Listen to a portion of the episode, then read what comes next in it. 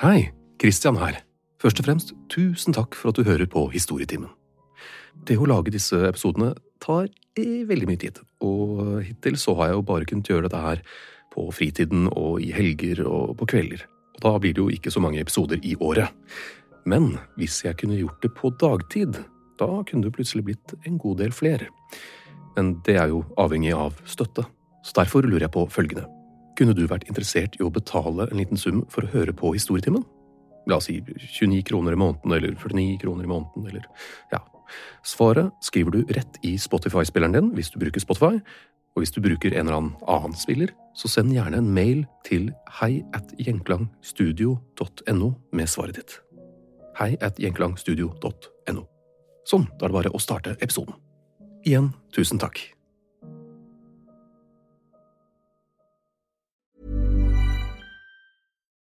Millions of people have lost weight with personalized plans from Noom, like Evan, who can't stand salads and still lost 50 pounds. Salads, generally, for most people, are the easy button, right? For me, that wasn't an option. I never really was a salad guy. That's just not who I am. But Noom worked for me. Get your personalized plan today at Noom.com. Real Noom user compensated to provide their story. In four weeks, the typical Noom user can expect to lose one to two pounds per week. Individual results may vary. Wow. Nice. Yeah. What you're hearing are the sounds of people everywhere putting on Bombas socks, underwear, and t-shirts made from absurdly soft materials that feel like plush clouds. Yeah, that plush. And the best part? For every item you purchase, Bombas donates another to someone facing homelessness. Bombas. Big comfort for everyone. Go to bombas.com slash ACAST and use code ACAST for 20% off your first purchase. That's bombas.com slash ACAST. Code ACAST. Hey there, it's Michelle Norris. I'm host of a podcast called Your Mama's Kitchen. When I travel, I'm usually looking for a way to find a taste of home when I'm not at home. And one of the things I love to do when I am at home is entertain. And Airbnb allows me to do that. When I was in California recently, I rented a house that had a great kitchen. And when we were sitting around the table, we're all thinking, we're in someone else's house. Someone could be in all of our homes as well. If you have a home, but you're not always at home, you have an Airbnb. Your home might be worth more than you think. Find out how much at airbnb.com/slash host.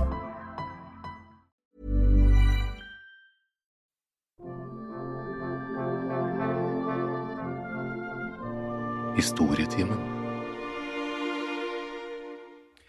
Velkommen til Historietimen. Denne episoden blir litt annerledes, da jeg skal fortelle en historie til min venn Helge her, Hallo! som ikke har hørt den før. Vi skal inn i OL-historien. Hvordan er din kunnskap om OL, Helge? Eh, ikke til stede. Nei, jeg, jeg har OL 94, på en måte? Ja, jeg vokste jo opp Jeg var jo åtte år eh, når OL 94 skjedde. Så eh, det, Og det var jo magi fra ende til annen. Eh, og min eh, eh, endeløse kjærlighet for Sisse Kyrkjebø og Selen Lyse ble født da. Eh, og Vatter og troll og alt det der. Generelt eh, veldig god stemning. Veldig. Men et annet firetall her. Du, ja, du har kanskje ikke så mye koll på OL-et i St. Louis i 1904? Nei. Eh, sviktende svakt, vil jeg si. For i 1904 fikk Chicago tildelt det tredje OL-et i verdenshistorien. Mhm. Chicago, ikke St. Louis, altså. Chicago eh, både var og er en stor by i USA, men det samme året som Chicago skulle arrangere dette, OL-et, så skulle byen St. Louis holde verdensutstillingen. Hmm. Verdensutstilling, ja Det er verdensutstillingen. Ja, ja. Hallo. Men eh, Eiffeltårnet ja. var først dette her. ja. eh, her er noen prosjektledere ikke koordinert. Eh, Nei. Så Verdensutstilling er da en stor hendelse som samler masse deltakere for å vise frem ulike nyvinninger innen det meste. Men St. Louis var ikke særlig fornøyd med at Chicago skulle holde OL samtidig. At to så store verdensbegivenheter skulle gå av stabelen samtidig i to amerikanske byer, som geografisk ikke er så langt unna hverandre, Ja. var Det lugga litt. Dette, ja, mm, dette Nei, Er det sånn samme helg, liksom? Eller er det liksom Nei, men OL var jo ikke på en helg! Samme måned, Det er sånn sommer, Ja, sommer-OL. Nå begynner det å lande. St. St. Louis de klagde, de, men de ble møtt med døve ører. Så de planla et eget stevne, et såkalt track and field-løp, altså eh, friidrettsløp, Hmm. som skulle gå samtidig. Og så sa de ja, la oss se hvem som får flest tilskuere, da.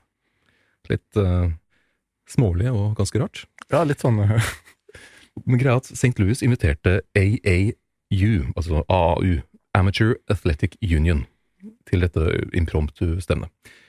Og AAU var veldig, veldig store i, USA, og hadde utrolig mange medlemmer. Dette var kjempestort. Folk før internett, vet du. Det var ikke noe annet å gjøre på. Nei, det var ikke annet å gjøre, du måtte løpe, det var det. Og, men og hvordan fikk de til dette her? Jo, fordi lederen for AAU het James Sullivan, og han var ikke bare en mektig mann, han var også en av de som arrangerte verdensutstillingen i St. Louis. Så han prøver liksom å konkurrere. Å ja, vi kan ikke ha OL? Ja, vi skal ha et eget løpestevne isteden, vi. Men Og få med da alle som driver med friidrett på amatørnivå i USA. ja, men litt sånn eh, smålige, men eh, Nei, fascinerende. Men eh, man ser jo disse tingene i dag òg, da. Men eh, kanskje litt mindre grad. Sm smålig, men fascinerende. For, smålige, men fascinerende. Så da har vi et eh, OL som skal arrangeres i Chicago, og en verdensutstilling som da skal arrangeres i St. Louis. Og ingen av dem er fornøyde egentlig med dette opplegget. Så etter mye om og men så måtte Pierre de Coubertin mm. Jeg vet ikke helt om jeg har uttalt det riktig. Helt korrekt. Ja, takk. Han var da sjefen for IOC. Altså han, faktisk han som grunnla de, de moderne olympiske lekene. Det er hakkebelte. Ja, det, virkelig. Han måtte etter hvert gi etter, og OL-et ble flytta til St. Louis. Cubertin var langt fra fornøyd og sa OL ville matche middelmådigheten, som var byen St. Louis. Han er ikke stor fan av byen. Han stoppet det- etter dette å ha noe særlig med dette OL-et å gjøre. Litt bitter. Ja, litt småbitter. De fikk reise seg selv. De første olympiske lekene ble da holdt i Aten, det andre i Paris, og det tredje ble det nå bestemt at skulle være i St. Louis i midten av USA. Her må jeg spørre om ting. Ja. Du sa det første ordet ble holdt i Aten. Ja. Ikke sant? Men da snakker vi sånn antikkens Nei, nei, nei. Nei, ok. For jeg bare Beklager. Første av de moderne olympiske okay. lekene. Ja, for jeg bare For det vet jeg. At eh, antikken eh, det, I Hellas var det vel, der oppsto OL. Og så var det sånn år én, år to, Paris! Jeg har krangla litt med tidslinja her. Okay, med. Vet du hvor lenge OL pleier å vare i disse dager? Jeg trodde det var en helg i stad, men det er jo ikke. Nei, er det ikke tre uker, kanskje? Ja, kanskje sånn. Er det sånn? Ish? Ja, siden verdensutstillingen varte mye lenger enn et OL, og disse skulle gå samtidig, ble OL i St. Louis nå holdt i syv måneder. Fra april til november. Å, sa det katt. Da får du kan litt til, så får du med vinter-OL. det er sant. Og mange nasjoner valgte da ikke overraskende å utebli, eh, både på på grunn av lokasjon og varighet. Men de som møtte opp, og da spesielt publikum, kunne glede seg over nyvinninger som sukkerspinn, Dr. Pepper og peanøttsmør. Hmm. Med sukkerspinn i hånden og Dr. Pepper i den andre kunne de besøkende se såkalte villmenn. Urinnvånere altså fra hele verden, som hadde blitt sendt dit for å vises frem i ja, kjempe- Kjempegod stemning. Eh, Dette her var vist frem under verdensutstillingens antropologidager. Poenget var da at de kunne se hvor mye bedre og siviliserte de hvite var enn disse såkalte villmennene. Var det litt sånn frenologidager òg inni her? Ja, eller? ja, ja, ikke sånn garantert Skaller skal måles og ja, sant? Ah, fy faen. Det er de samme folka som trodde på frenologi. Eh, Dette, disse antropologidagene var selvsagt sponset av The Department of Exploitation. Å kalle seg seg selv det, Jo, men altså De er ærlige, da. Det skal de ha. Ja, men er dette her? er 1904? Ja. Og ingen regler? Ingen regler. Ja, ja. Det er sant. Og dette var faktisk en ting, øh, og denne delen ledet av James Sullivan selv. Et litt frempek her, øh, selv om det kanskje ikke trengs, han var ikke en særlig ålreit fyr. Han lagde også et eget idrettsstevne, som skulle vises før selve OL-et. Hæ? Her skulle disse urinbo... Jeg mener villmennene konkurrere. Nei! Nei, slutt! Er det sant? Den, øh, den øh, dårlig skjulte tanken, altså den var ikke skjult i det hele tatt, var å vise at hvite topptrente kristne menn var mye bedre i de ulike olympiske idrettene enn tilfeldige utrente urinnvånere uten utstyr. Han kalte det selv både Savage Olympics og Special Olympics. Nei! Nei! Slutt! Det blir bare verre! Ja, det blir helt forferdelig. Men jeg må, jeg må bare skyte en ting.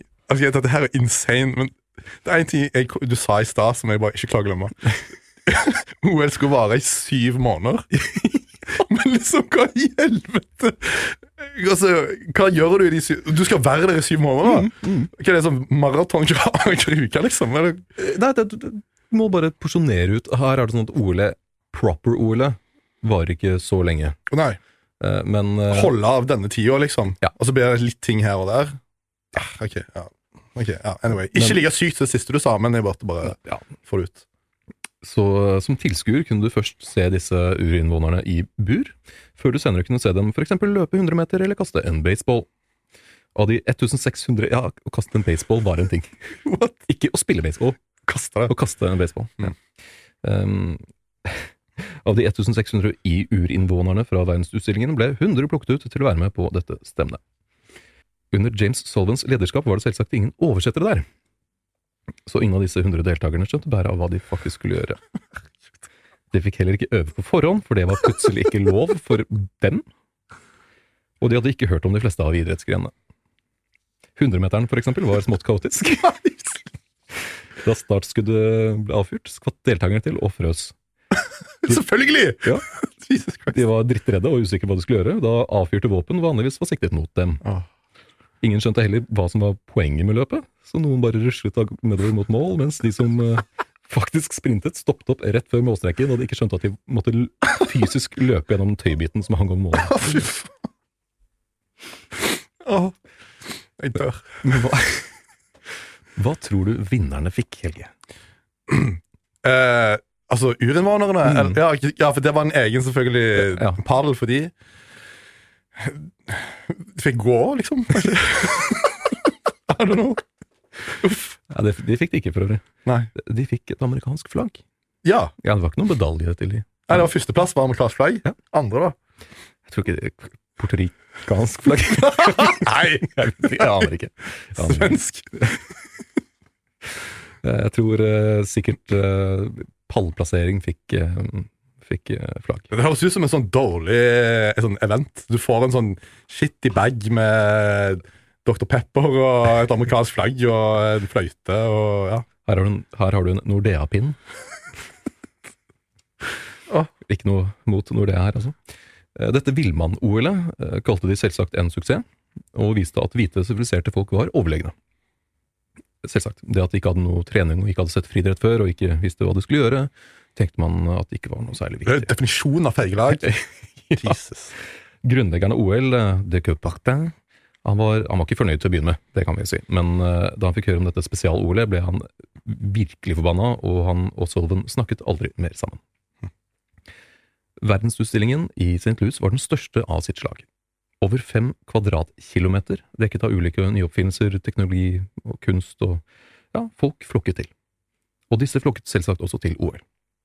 Altså det ordentlige OL-et. Ok, ja. Det, eh, nå som liksom OL var over. Mhm. Etter åpningsseremonien var stadion fullsatt. Men det de trodde var første OL-gren, var akkurat da Michigans beste ungdomsskoleløpere.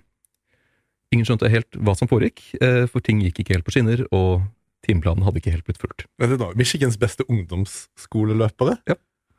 i OL. De hadde brukt den De brukte det De løp på den, akkurat den tracken. Hva er det som organiseres Åh, gud. Her snakker ikke folk sammen. Det var bare tolv nasjoner som deltok i det ordentlige OL-et. Av de 630 deltakerne var 523 amerikanere. Det var ikke mange andre representert ved disse eller, det var ikke mange andre land representert ved disse lekene, noe på grunn av lokasjonen, selvsagt. Det var jo ikke veldig enkelt å komme til. Men det hjalp heller ikke at den russisk-japanske krigen pågikk. Så det var ganske spent sånn internasjonalt, og vi har jo snakket om den russisk-japanske krigen før, har vi ikke det, Helge? Kamtsjatka Men vent litt nå. Ja, fordi Dette skjer samtidig som den andre. Nei, å ja, ok. For, bare, for det første, det er 1904. Det tar sikkert 15 år med båt fra Europa til USA. Det er punkt én. Første verdenskrig var det ikke så lenge etterpå. Det var i 11, 1911? 1914? Ish, måtte. Litt senere. Litt senere. Ok. Uh, og Så, ja, okay. Men det er fortsatt en krig gående her, Mm. uh, og det gjør det enda vanskeligere. Men snakk om å toppe laget. Ja, Vi arrangerer det nå. Å ja, det er krig. Ja, ja, 60 BU. Bare pumpe alle grener fulle av amerikanere. Og... Det er egentlig veldig smart. For, uh, Kjempesmart, Ja. egentlig, når jeg tenker meg om. Så, men la oss gå til øvelsene. For, uh, for noen øvelser det var. Mm. En amerikansk variant av krokket ved navn rock var uh, for eksempel en konkurranse. Rock! Rock. R-O-Q-U-E. Å ja. Roque. Roque. Roque okay, ja. Beklager min eh, Nei, jeg, altså, hva vet jeg. Men ja. Krokket hadde blitt spilt i det forrige OL, men det hadde ikke blitt videreført fordi Hva tror du? Um, nei Importproblemer av bambuspinner, kanskje, for å lage disse køene? Nei, og bare en, eh, kun én tilskuer møtte opp for å se på. Åh. Åh, stakkar lag. Å nei. Så eh, Jo, men det er ærlig tilbakemelding, da. Ja. Det er jo som organi... Åh, Herregud, jeg kan ikke snakke. Organisator. Ikke sant? Mm. Og det kommer én dude på greia di, da er det et godt tegn på at eh, Nei, vi gjør ikke dette neste år. Ikke sant. Det er jo veldig mange ulike OL-grener som har blitt testa i, i OL. eh, Blant Ja. annet grafisk design og diktskriving. Altså det er jo, Nei, er det sant? Ja, altså det er, ting er litt, Oi. litt spes. Eh, Men i dette rock, eh, rocké, altså den amerikanske versjonen av crocket, så vant USA både gull, sølv og bronse. Mm. Mm. så rart. Ja, det er veldig rart, eh, i hvert fall med tanke på at det bare var fire deltakere, og alle var amerikanere. Å, så kjipt for han fjerde, da. Var flere andre idretter der, når man, eh, hvis vi, siden vi snakker om det, som man ikke finner i dagens OL-katalog. Både tautrekking og noe de kalte fancy stuping. Fancy stuping. Mm. Fancy diving. I sistnevnte øvelse var det da om å gjøre å fullføre ulike akrobatiske triks og artige hopp før man traff vannet. Hva var, den, hva var den første du sa? Tautrekking. Tautrekking. Men hallo? Få tilbake tautrekking Ja, ja. i OL.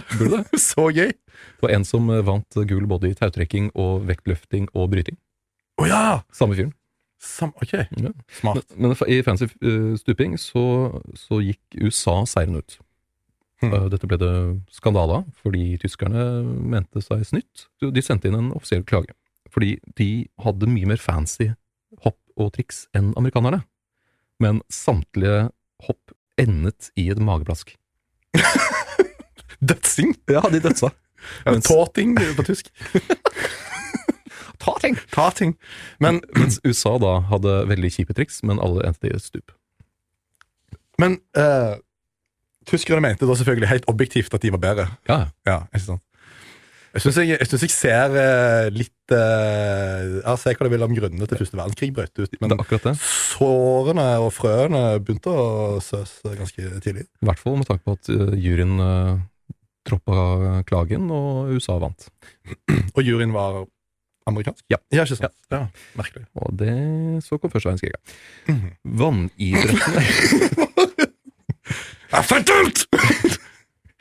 Vannidrettene ble for øvrig holdt i en lokal innsjø. Det høres jo ikke feil ut sånn. Koselig. Ja. Problemet endte jo da med å være alle kuene. Jaha. Agrikulturelle nyvinninger var en egen stand på verdensutstillingen, og kuene som var her ble sendt for å gresse ved akkurat denne innsjøen. Og kuer må jo også som kjent på do, og det endte i vannet. Å nei. Så fire av svømmerne døde av tyfus. Nei. Åh. Kullete jævla opplegg. Apropos, apropos Tyskland, Ge eh, å, hvordan må jeg uttale det? Georg Eiser var en tysk gymnast og turner. Han, han vant seks medaljer på én dag, hvorav tre av dem var gull. Det Oi, det, det er bra timebetaling. Ja, ja. Oi. Det er jo imponerende i seg selv, men eh, med tanke på at han eh, bare hadde ett ben, så var det spesielt imponerende. Eh, hæ? Hans venstre ben var et treben, og han var da en turner og akrobat. Og du har han strengt tatt to bein. Det er sant. altså, Men å sånn, hoppe over, sånn, hoppe bukk og sånn, kanskje, kanskje det ikke er så vanskelig som det ser ut som. kanskje det? Kanskje.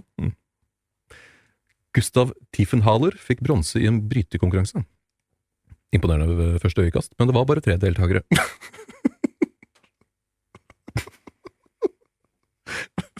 Du sier det som at det liksom Jeg ah, mm. Å, så trist. Men det er bronse, da. Ja, Det er medalje. det er medalje. Hallo. Ja, Nå smelter den om når du kommer hjem, og god stemning. Ja. Det er 1904. det er sant. Gjør hva du vil. bruke bronse til. Sverd. Nei, det var, lenge, det var lenger tilbake. Kulehylser. Ja, Kulehus. Hei, hallo. To nordmenn, Carl Fredrik Eriksen og Bernhoff Otelius Hansen, vant eh, for øvrig gull i bryting. Men de hadde flyttet til USA rett før, eh, rett før, og Norge fikk dermed ikke anerkjent deres gull som Norges. Mhm. Men de hadde ikke fått innvilget amerikansk statsborgerskap da de deltok i OL, så i 2013 ba Norges OL-komité IOC om å få disse gullene tilbake. Åh, og ble det godkjent? Vet det vet jeg ikke, jeg har prøvd å finne ut. Det er egentlig bare burde du ta et raskt Google- Google-søk. Hvem men- må man bestikke i IOC? Det er jo ganske lett, akkurat. Veldig godt poeng. I boksestevnet deltok en fyr ved navn Carol Burton, som var en kjent bokser i området. Etter første kamp, hvor Burton vant, så fant han ut at uh, det var ikke Burton. Det var en annen fyr ved navn James Bollinger som hadde stjålet Burtons identitet. Han gjorde dette fordi Burton var populær i området og håpet da på sjarmpoeng fra dommerne. Men etter at han vant første kamp, så ble han selvsagt diskvalifisert. Ja. Men han vant jo. Han vant det, men diska. Peter Sturhold, som han skulle møte i runde to, kom da automatisk til semifinalen. Men her tapte han mot en som het Jack Egan. Nå er det mange navn å følge med på her. Mm. Ja, jeg henger med. Men ja, så Peter, Peter Stur Sturhold kommer da og møter Jack Egan, som han tapte. Ja. Jack Egan vant, altså. Mm. Et år etter viste det seg at Jack Egan ikke var Jack Egan.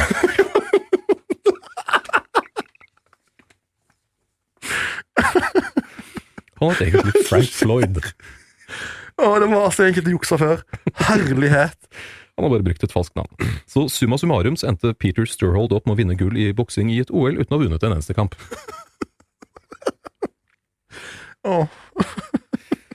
Tyrefekting var også en OL-gren. Hæ?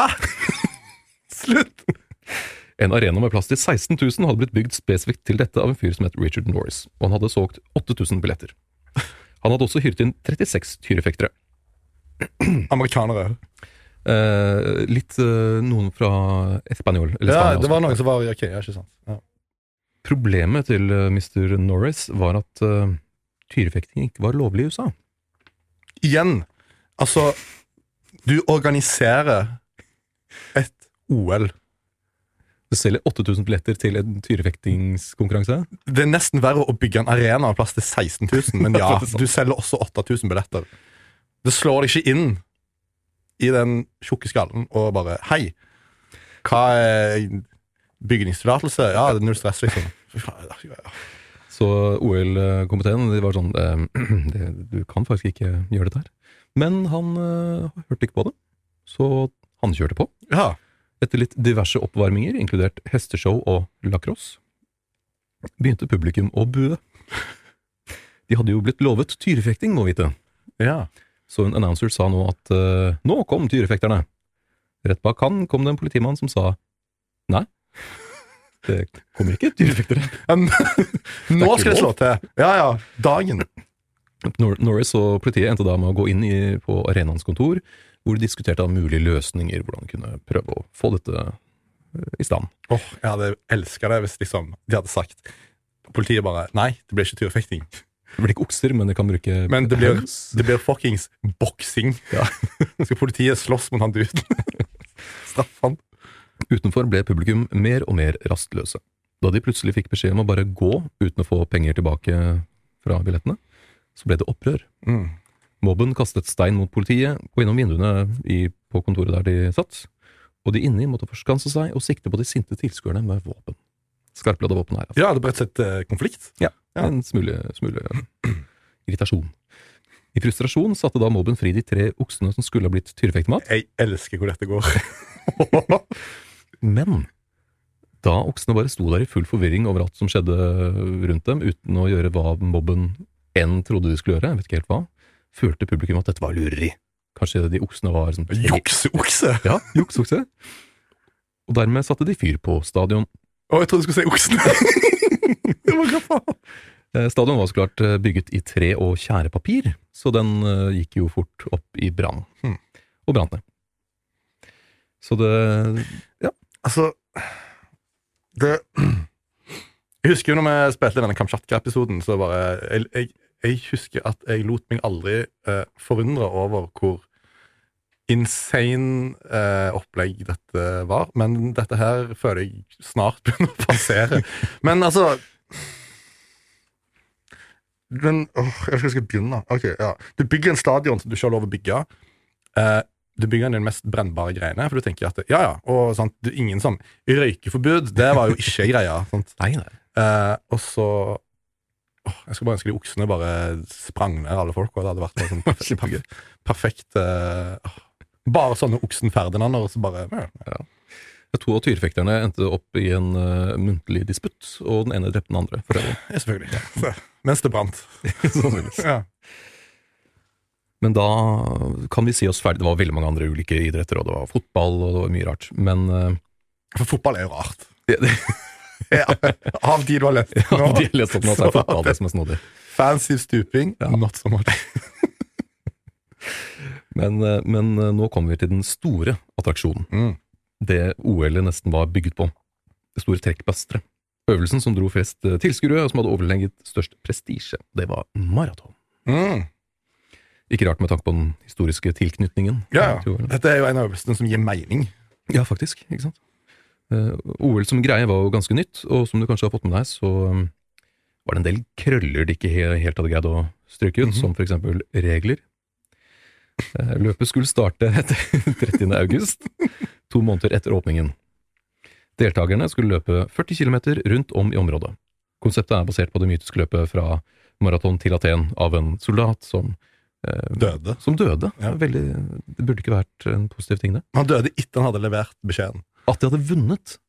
Ja, ikke sant? Det var det. Hadde de tapt, så hadde jeg forstått det, for da hadde det jo vært en sånn 'Å, vi har tapt, løp'. Ja, ja. Men det er sånn 'Vi har vunnet'. ja. Å, Veldig spesielt. elsker eh, Jeg bare Jeg er veldig glad i maraton. Eller jeg er ikke det, jeg hater det egentlig, men jeg har sprunget det en gang før. Du ja, Jeg har sprunget maraton. det er sant, det. Ja. Og hvor var det, egentlig? Det var i Nordmarka. Nordmarka skogsmaraton. Du tenker kanskje på mitt halvmaraton, Ja, det var den jeg tenkte. som var i Pyongyang i Nord-Korea. Ja. Det var også litt spesielt. eh, der var det veldig mange regler. det vil Det, jeg der var det ikke tvil om hvor du skulle springe. Det var, det var våpen eh, i eh, trynet det hvis du sprang feil. Det var spennende. Du har fullført et maraton, altså? Jeg har fullført maraton. Det er imponerende. Det frister ikke til gjentakelse, Nei, men, eh, men eh, kan anbefales å gjøre én gang. en gang. Bare så har man gjort det. Dette maratonet hadde 32 deltakere fra hele fire land. Mm. Mhm, USA, Selvfølgelig. mm. Storbritannia, -hmm. Hellas, Og Cuba. Ja! Men det gir mening, for det ligger jo veldig nærme. Det er sant. Ja. I tillegg så var de, de britiske maratondeltakerne egentlig ikke fra Storbritannia, de, men fra Sør-Afrika. Um, to av dem var de første mørke afrikanske deltakerne noensinne i et OL. Eh, De hadde blitt sendt dit av britene som en del av bordutstillingen i verdensutstillingen. Åh, jeg skal til å si at Det var jo veldig eh, sånn framsynt da, Ja. eh, og bra, men Men nei. nei, nei, tydeligvis ikke. nei. De hadde selvsagt vært deltakere i Villmann-OL rett før. Oh, Jesus. De måtte så klart også møte opp uten løpesko. Nei. For som de villmennene de var, måtte de selvsagt løpe barbeint.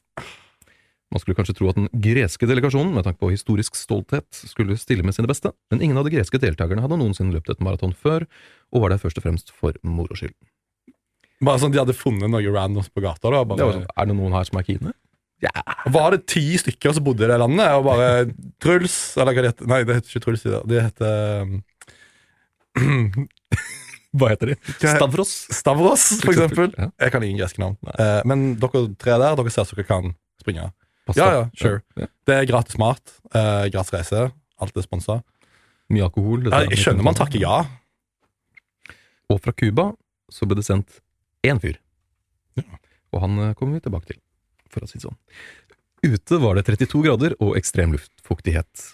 I tillegg så tenkte organisatorene, ledet av luringen James Solven, å bruke løpet i en studie om dehydrering. Sånn for å slå to fluer i en smekk. Så derfor var det bare én vannstasjon langs de 40 km. Det var ca. halvveis etter 18 km. Og i tråd, eh, sadistisk OL. Jesus. Og i tråd med hvor bra resten var planlagt, var ikke vannet rent. Altså, de lokale kunne drikke det fordi de var vant til øh, altså, vet ikke, flere Ja, men- -hmm. men ikke folk utenfra. Det var ikke sterilisert på mange måter. Dårlig med det. Og så var selvsagt ikke veiene de løp på optimale. Eh, Dette var jordveier som var i konstant bruk av hest og kjerrer, mennesker og dyr. For de hadde selvsagt ikke lukket av veiene for arrangementet. Nei. nei. Selvfølgelig. Nei, nei. Nei, nei. Det Det, dette er i tråd med resten av uh, mm. Ja. Offisielle biler som uh, kjørte både foran og etter løperne og sånn, de uh, for å holde koll på hva som skjer, de uh, drev opp veistøv kontinuerlig. Jeg hadde biler, ja. Det var jo... Så disse bilene og all den andre trafikken resulterte i konstante og heftige støvskyer som dekket ansiktene og luftveiene til løperne. oh.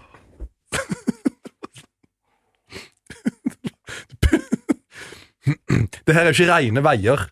Nei. Det her er ikke liksom eh, Det er sikkert søppel. Eh, det er masse andre folk.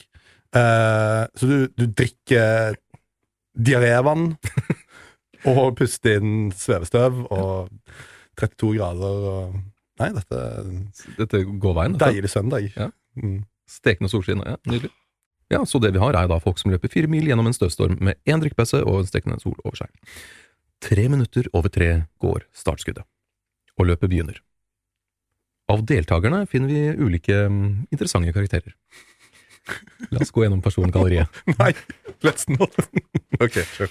Første deltaker er William Garcia fra California. Han jogger av gårde og merker tidlig alt veistøvet og hoster og harker i vei. Han var en av favorittene. Mm. Etter tre kilometer segner han om, midt i veien, og ingen legger merke til han. Til slutt snubler en tilfeldig forbipasserende over han. Ingen legger merke til han! Det er så mye støv!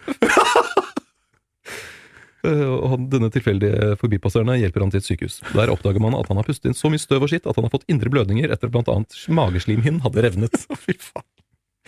Etter å ligge på sykehuset og kjempe for livet i flere dager, overlevde han heldigvis. Men én time mer ute i solsteiken, så hadde han nok dødd. Altså, de fortjener jo sånn De fortjener jo uh, Purple Hearts, hele gjengen her. Det å bare overleve hele disse øvelsene her er jo en prestasjon. Større Ja. prestasjon. Det er faktisk. Men, Andre deltakere øh, var den irskfødte amerikaneren John Lorden. Han var, øh, også, han var virkelig en av forhåndsfavorittene. For et etternavn. Lorden John Lorden. Ja. Oh, man. Han Helt fra begynnelsen av fikk han så mye støv i pust og svelg at han kastet opp kontinuerlig. Ja.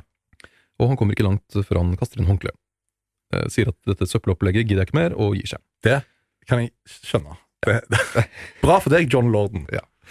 Det er også sannsynlig at han ble ekstra dårlig av at han drakk fra det lokale vannet før start, du vet, fra der kuene hadde gjort fra seg. Mm, mm, mm. Gurgle, gurgle. God stemning. Tredje deltaker er eh, sørafrikanske Len Tau. Han het egentlig Tauniane, men eh, amerikanerne kunne ikke uttale navnet hans, så de kalte han bare Tau. Han løp, eh, en av de to som løp barfot. Mhm. Han startet veldig bra, lå godt an i store deler av løpet, inntil han ble jaget mange kilometer feil vei av en gruppe løshunder.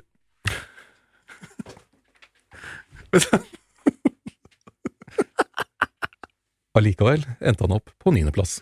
Oi! Det er imponerende. Wow! Ja, ja. For en maskin. Ja. Så kommer en eh, fantastisk type. Felix Andarin Carvajal. Dette er da han ene fra Cuba. Mhm. En postmann som eh, for å trene seg opp, og samtidig skaffe seg penger eh, til reisen, så løp han Cuba på tvers. Oi! Det Cuba er stort, altså. Wow! Han greide å samle nok penger til å reise til USA for å delta. Så han reiser over, men på veien dit stopper han opp i New Orleans, det er den første amerikanske byen man kommer til, og St. Louis, altså langs Mississippi, så du, du tar liksom båt fra New Orleans opp til Mississippi. Ja, den Nei, der, New Orleans til St. Louis. ja, den der steamboat uh, Ja. Kanskje. Ja, for eksempel. Eh, Men så hans første stopp var New Orleans, og der uh, tapte han alle pengene han hadde på gambling. Med én en, eneste gang. Nei. Han er nå helt rakkafant, men bestemmer seg for ikke gi opp, Ja. og haiker hele veien opp til St. Louis. Det er et stykke. Men siden han ikke har penger, så har han heller ikke mat, så når han først ankommer startstreken, så er han skrubbsulten. Han eh, kommer faktisk til stadion bare minutter før startskuddet går, og han har da ikke spist på 48 timer. Han er fortsatt kledd i vanlige klær, en hvit skjorte, bukse, dressko og en ber beret. Oi. Altså, ti poeng for stil. Ja. Spilte sjøl ekstremt dårlig, men imponerende. For å føle seg litt mer som en av deltakerne, klipper han av buksebena så de blir litt mer shortsete. Mens han liksom står på startstreken og bare Snipp, snipp. Ja. Og etter at startskuddet øh, gikk, så startet han utrolig bra, lå godt an, inntil sulten blir for ille. Han stopper opp her og der og spør folk om mat, men øh, han kommer ingen vei med dette. Inntil han møter to menn stående ved en bil ved siden av veien, og de har et lass med store, saftige fersken. Mm. Han stopper opp og slår av en prat på dårlig gebrokkent engelsk, eh, komplementerer frukten og spør pent om han kan få et par.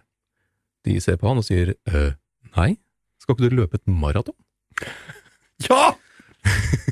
Har ikke spist Han sier at eh, jo da, han forsto det, men hva i alle dager er det bak dere? De snudde seg, og Felix stjal to fersken, stappet i munnen og beina av gårde. Det, det syns jeg han fortjente. Ja, ja. Eh, Disse ferskene, de, de holdt ikke så lenge. Dette de stagget sulten bitte litt, men eh, ikke nok til å holde roende 48 timer uten mat. Nei. Og hvor mange kalorier du brenner på et maraton. Altså Men han kunne, altså, av alle ting han kunne funnet, så var jo fersken kanskje noe av det smootheste Ja, å spise. Nå, ja. Man får jo druer og bananer og sånt på eh, maraton, så Ja. Det er kanskje veldig smart. Mhm.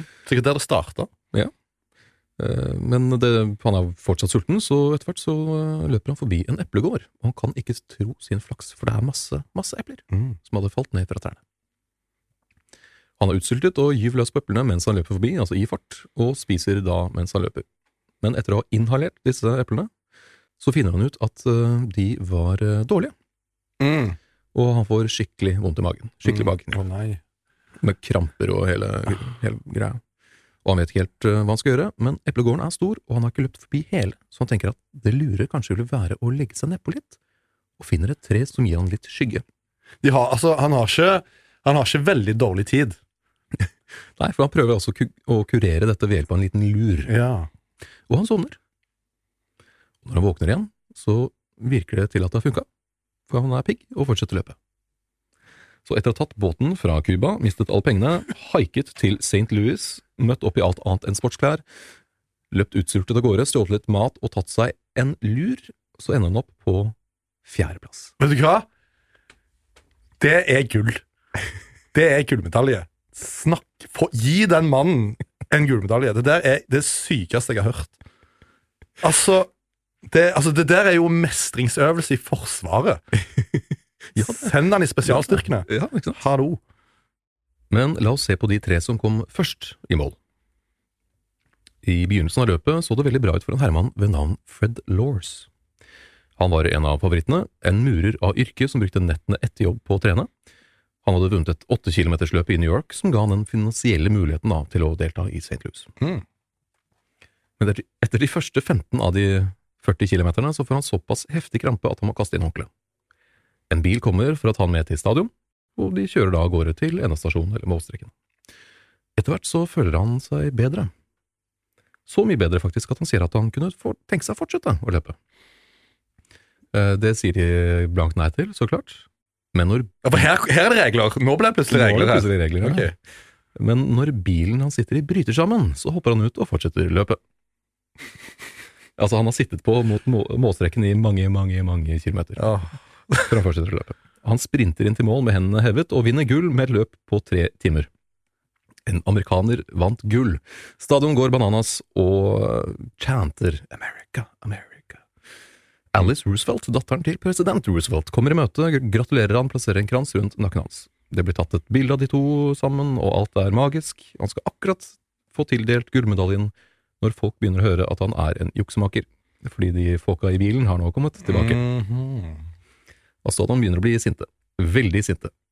Men til hans forsvar så innrømmer han innrømmer alt med en gang når han blir ferska, og sier at det bare var en spøk. Ja! Kødda. Det hjelper lite, og han blir diskvalifisert og utstengt på livstid, men dette blir senere opphevet.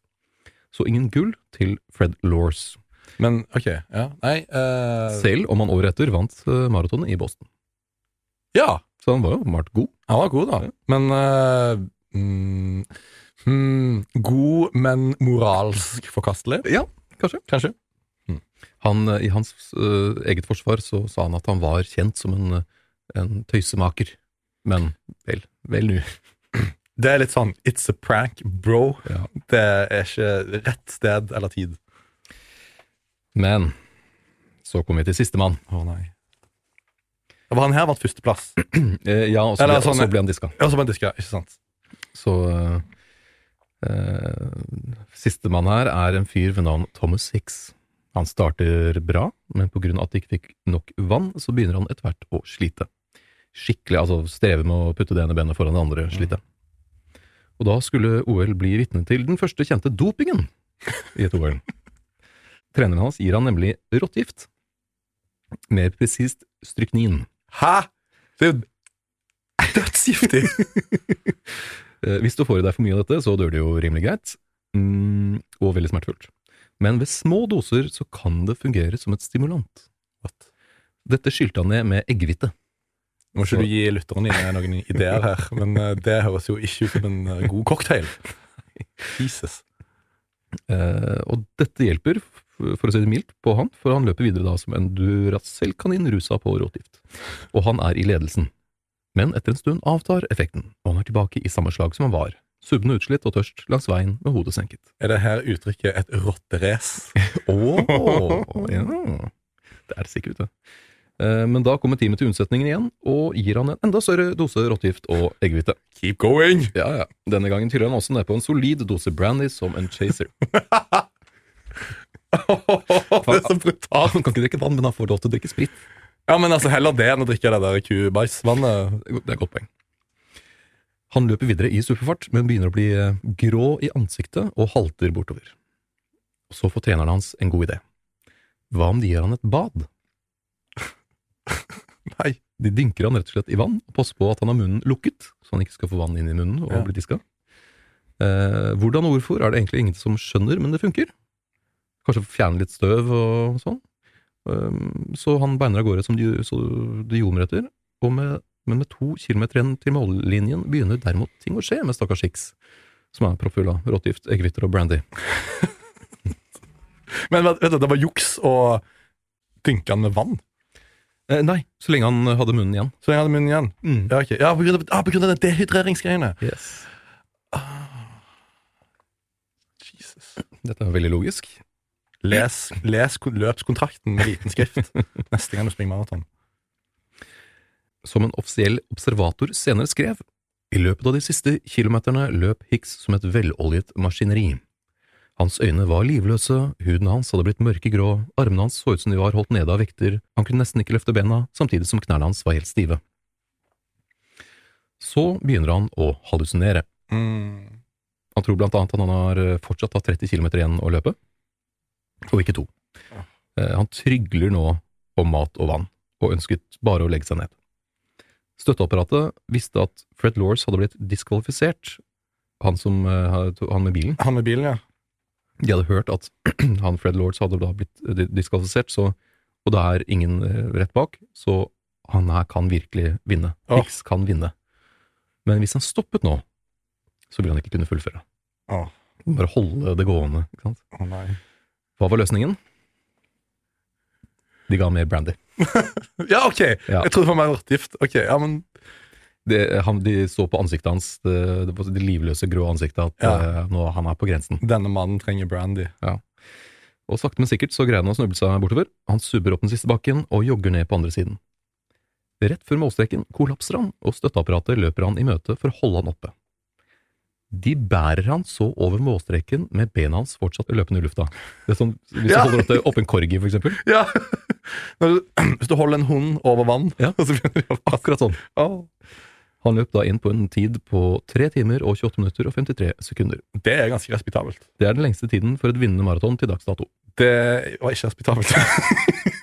Men altså, for et vinnende maraton, så er det jo ja, ja, men liksom hvis du, har, hvis du- består av 50% stryknin, 70 eh, brandy Uh, Og du har ikke Og drukket eggehvite. Og eggehvite i tillegg, og du har ikke fått uh, lukta på vann engang.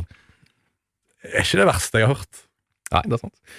Og før han skulle få medalje, så skjønte man at han holdt på å dø. Merkelig nok. Så da fikk han akutt legehjelp. Ja. Endelig et smart valg, kan man kanskje si. Her fant man ut at han i løpet av løpet hadde gått ned over fire kilo. Åh, lord. Han løp aldri et maraton igjen. Det skjønner jeg jævlig godt. Stakkar jævel. Men uh, samtidig, da. Uh, for en uh, prestasjon. Ja, ja. Det er jo meget imponerende. Alle som her fortjener jo medalje. Ja. Jesus. Av løpets 32 deltakere var det 18 som ikke fullførte. Men OL-et og verdensutstillingen ble sett på som en suksess, da 19 millioner mennesker kom for å se. Dog over en syv, års, syv måneders periode, da. Ok. Men 19 millioner er mye. Det, og på den tida. Ja, ikke sant? Det var ikke bare bare. Midt i nowhere, no man's land. Ja, ja. Ett tog. Og Thomas Six, som brukte prestasjonsfremmende midler og hva man kan kalle rottegift og brandy, mm -hmm. og fysisk ble båret over målstreken uten at bena gikk i bakken, står fortsatt som vinneren av maraton 1904. Tidenes overlegent mest rotete OL. Altså, dette Ja, tidenes mest rotete OL, uten tvil. Men eh, samtidig et OL som står seg nå, som kanskje en av de mest imponerende At man faktisk får til ting for det om, da. Det er sant. Det her er en gjeng med rusa barnehageunger som får en fiks idé, og vi bare Vi skal arrangere OL. Vi skal bruke syv måneder på det. Eh, vi skal fucke den andre greia i tillegg. Det er bare Vi lager Det skal være 95% amerikanske deltakere. Eh, vi Vi skal slenge dritt om urinnvandrere. ja, vi skal ta dehydreringstest i samme slengen, fordi det går sikkert bra. Hvorfor ikke? Hvorfor ikke? Why not? liksom, To fluer i en smekk. Det er liksom tidenes mest rotete greie. Så jeg syns jo på en måte at hvis du kom derfra med en eller annen form for metall, Det er sant. Så da det Eller bra, et amerikansk flagg. så syns jeg egentlig det, det, det er vel mer verdt enn kanskje en OL-medalje i dag. Ja, det er, det jeg er enig med deg. Jeg er tilbøyelig til å være enig med deg. Men hvis du skulle deltatt i noen av disse lekene de hadde her, hvilken ville det vært? Nei, jeg ville representert? Ja, eh, jeg ville representert Tyskland. Mageplast. Mageplask. Hvis det var liksom ansett Dødsing? Dødsing. Hvis det var ansett som uh, det sykeste innen fancy stupeting, Mm. så hadde jeg sikkert gjort det veldig bra. Men eh, hva med deg? Hva er noe som Ikke maraton. Nei, ikke det maratonet. Det har holdt meg langt unna. Ikke svømming heller, tror jeg. Nei, enig. Uh, derav heller ikke fancy stuping. Nei. Fordi uh, Nei, det var det vannet, ja. Mm. Mm, jeg trekker den tilbake. uh, nei. Rock, eller rocké, den krokket-greia, den tror jeg Ja, det hørtes chill ut. Ja. Det, det kunne jeg vært med på. Uh, Tyrefekting, for da hadde jeg sluppet å gjøre noe med uh, oksene. Det er sant. Uh, godt poeng. Men i og med at det ikke ble tyrefekting, uh, fekting, uh, så Men det var to andre ting. Det var hesteridning og en ting til. Lacrosse. Lacrosse. Mm. Fancy hesteridning, Mm. kanskje. Hørtes ikke så farlig ut. Nei, og det er jo Hva er det Det er Nei, det tror jeg faktisk ikke har vært en OL-gren, men det har vært en idrett. Det er hestepillebue. Nei, hest, Jo, jo. jo, ja, ja. hestepillebue. Hest, ja, eller, ja, har sikkert et helt annet offisielt navn, Ja. men la oss kalle det det. Uh, ja, det, det hadde vært fett. Eh, Da skal jeg ridde alene, fordi med tanke på organiseringen her så hadde de sikkert, Hvis det hadde vært Hestepilobue, så hadde de sikkert sluppet alle ut samtidig, og vi hadde skutt hverandre. og Rein Kamtsjatka-style. liksom. Det er sant. Mye friendly fire. Nei, men Dette var et eh, imponerende rotete OL. Men tror du de liksom Altså, Se for deg å sitte i den debrifen etter dette OL-et Mm. og liksom gå gjennom Ok, erfaringer til neste OL. Hva har vi lært? Altså, hjelp. Men fordi, fordi, var de, var de, altså, de, de så jo på det som en suksess, da. Det er det som er eh, ja, altså, de lærte ingenting. Nei. Nei, ikke sant? Nei, alt var konge. Her er liksom blåkopien eh, kjære neste OL-by. Men har de arrangert OL igjen, mon tro? Det håper jeg ikke. Det tror jeg ikke. Nei. Fordi det kan jo bare gå oppover herfra. Det er bare én uh, vei fremover. Ja, ja, ja. Skal se, her har jeg en uh, på idretter som fantes på 1900-tallet, oh. som ikke finnes lenger, dessverre. Det Nei. var pil og buegolf. Hallo! Sign me up. Og det var ikke heste, hestepil og bue, det var hesteryggboksing. Hesteryggboksing? Hesterygg-boksing! Wow! Sånn middelalder-style? Ja, du må liksom Du må da eh, ri på en hest, Ja, ja. og, og bokse mot en annen som også rir på en hest. ja, ja, ikke sant? Ikke slå hesten hans, da. Ja, nei, nei. Jeg trodde, jeg trodde det var sånn i middelalderen. De hadde sånn lanser. Å, sånn, ja. Så de liksom, de starta på hver sin side, og så ridde de mot hverandre bare med knyttneven ut. Det er fattigmanns Fattigmanns lanse. Og så klart flagg, eh, eh, flaggstangsitting. Flaggstangsitting. Ja. Den kjente i idretten. Ja, det var en idrett før i tiden, på 1900-tallet. Bare utholdenhet, liksom? Eller førstemann opp? Eller? Så lurer jeg på om det var i 19, eh, på 1930-tallet at uh, uh, grafisk design, eller vesteplakat, var en OL-gren. Og der var det en sveitser som fikk uh, både bronse og sølv. Oi. Men han fikk ikke gull. Ingen fikk gull. Nei. Og de, juryen, juryen følte at ingen av bidragene hans var bra nok for gull. Så den er litt uh, Den, eh, den, eh, det skjer den dag i dag i grafisk designkonkurranser. Gjør det det? Ja, ja. Oi, ok. Jeg trodde det var en Å ja, nei, nei. Det, det er mange ganger man hører at eh, Nei, juryen fant ingen bidrag eh, verdige for gull. Så Oi. det kan skje. Men det var sånn dikt... Uh, Ja. Dikt, altså, Diktskriving. Mm. diktskriving. OL. Men eh, Er det startskudd da, tror du? Ja, litt sånn. Er det, en, er det litt sånn når du tok tentamen når du var yngre? Alle er i en uh, gymsal. Alle sitter stille. Masse gamle damer og Ja, menn som går rundt. Pensjonister som går rundt og Stemmer. Og så bare er det et digert smell, og så er det liksom opp og så skrive. Men eh, eh, ja, dette her er jo en del av historien til OL og IOC, så Ja. Skal vi ta og prøve St. Louis eh, 2028? Jeg vet ikke når det er neste gang. det, ja. Eh, ja, nei, altså de, Som sagt, da. Det, her kan det bare gå oppover. Så jeg ønsker de eh, masse lykke til hvis de skal gjøre det. Jeg drar ikke. Jeg blir hjemme. Det er siste beskjed til St. Louis fra Helge Svendsen. Tusen takk for at du ble med deg meg i dag og prate om eh, veldig tøyste OL. Tusen takk for at vi fikk bli med.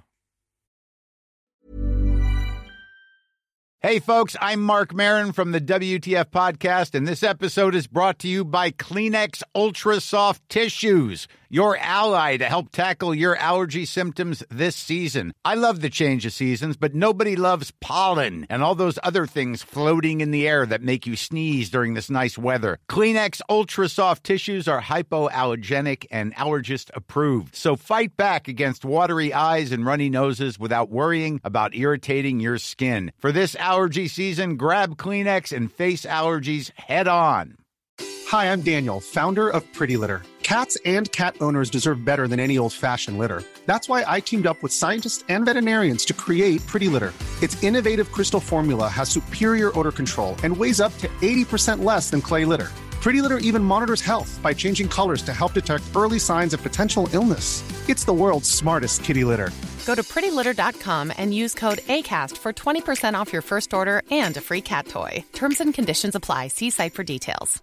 Even when we're on a budget, we still deserve nice things. Quince is a place to scoop up stunning high-end goods for 50 to 80% less than similar brands. They have buttery soft cashmere sweaters starting at $50, luxurious Italian leather bags, and so much more. Plus, Quince only works with factories that use safe, ethical, and responsible manufacturing. Get the high-end goods you'll love without the high price tag with Quince. Go to quince.com slash style for free shipping and 365-day returns.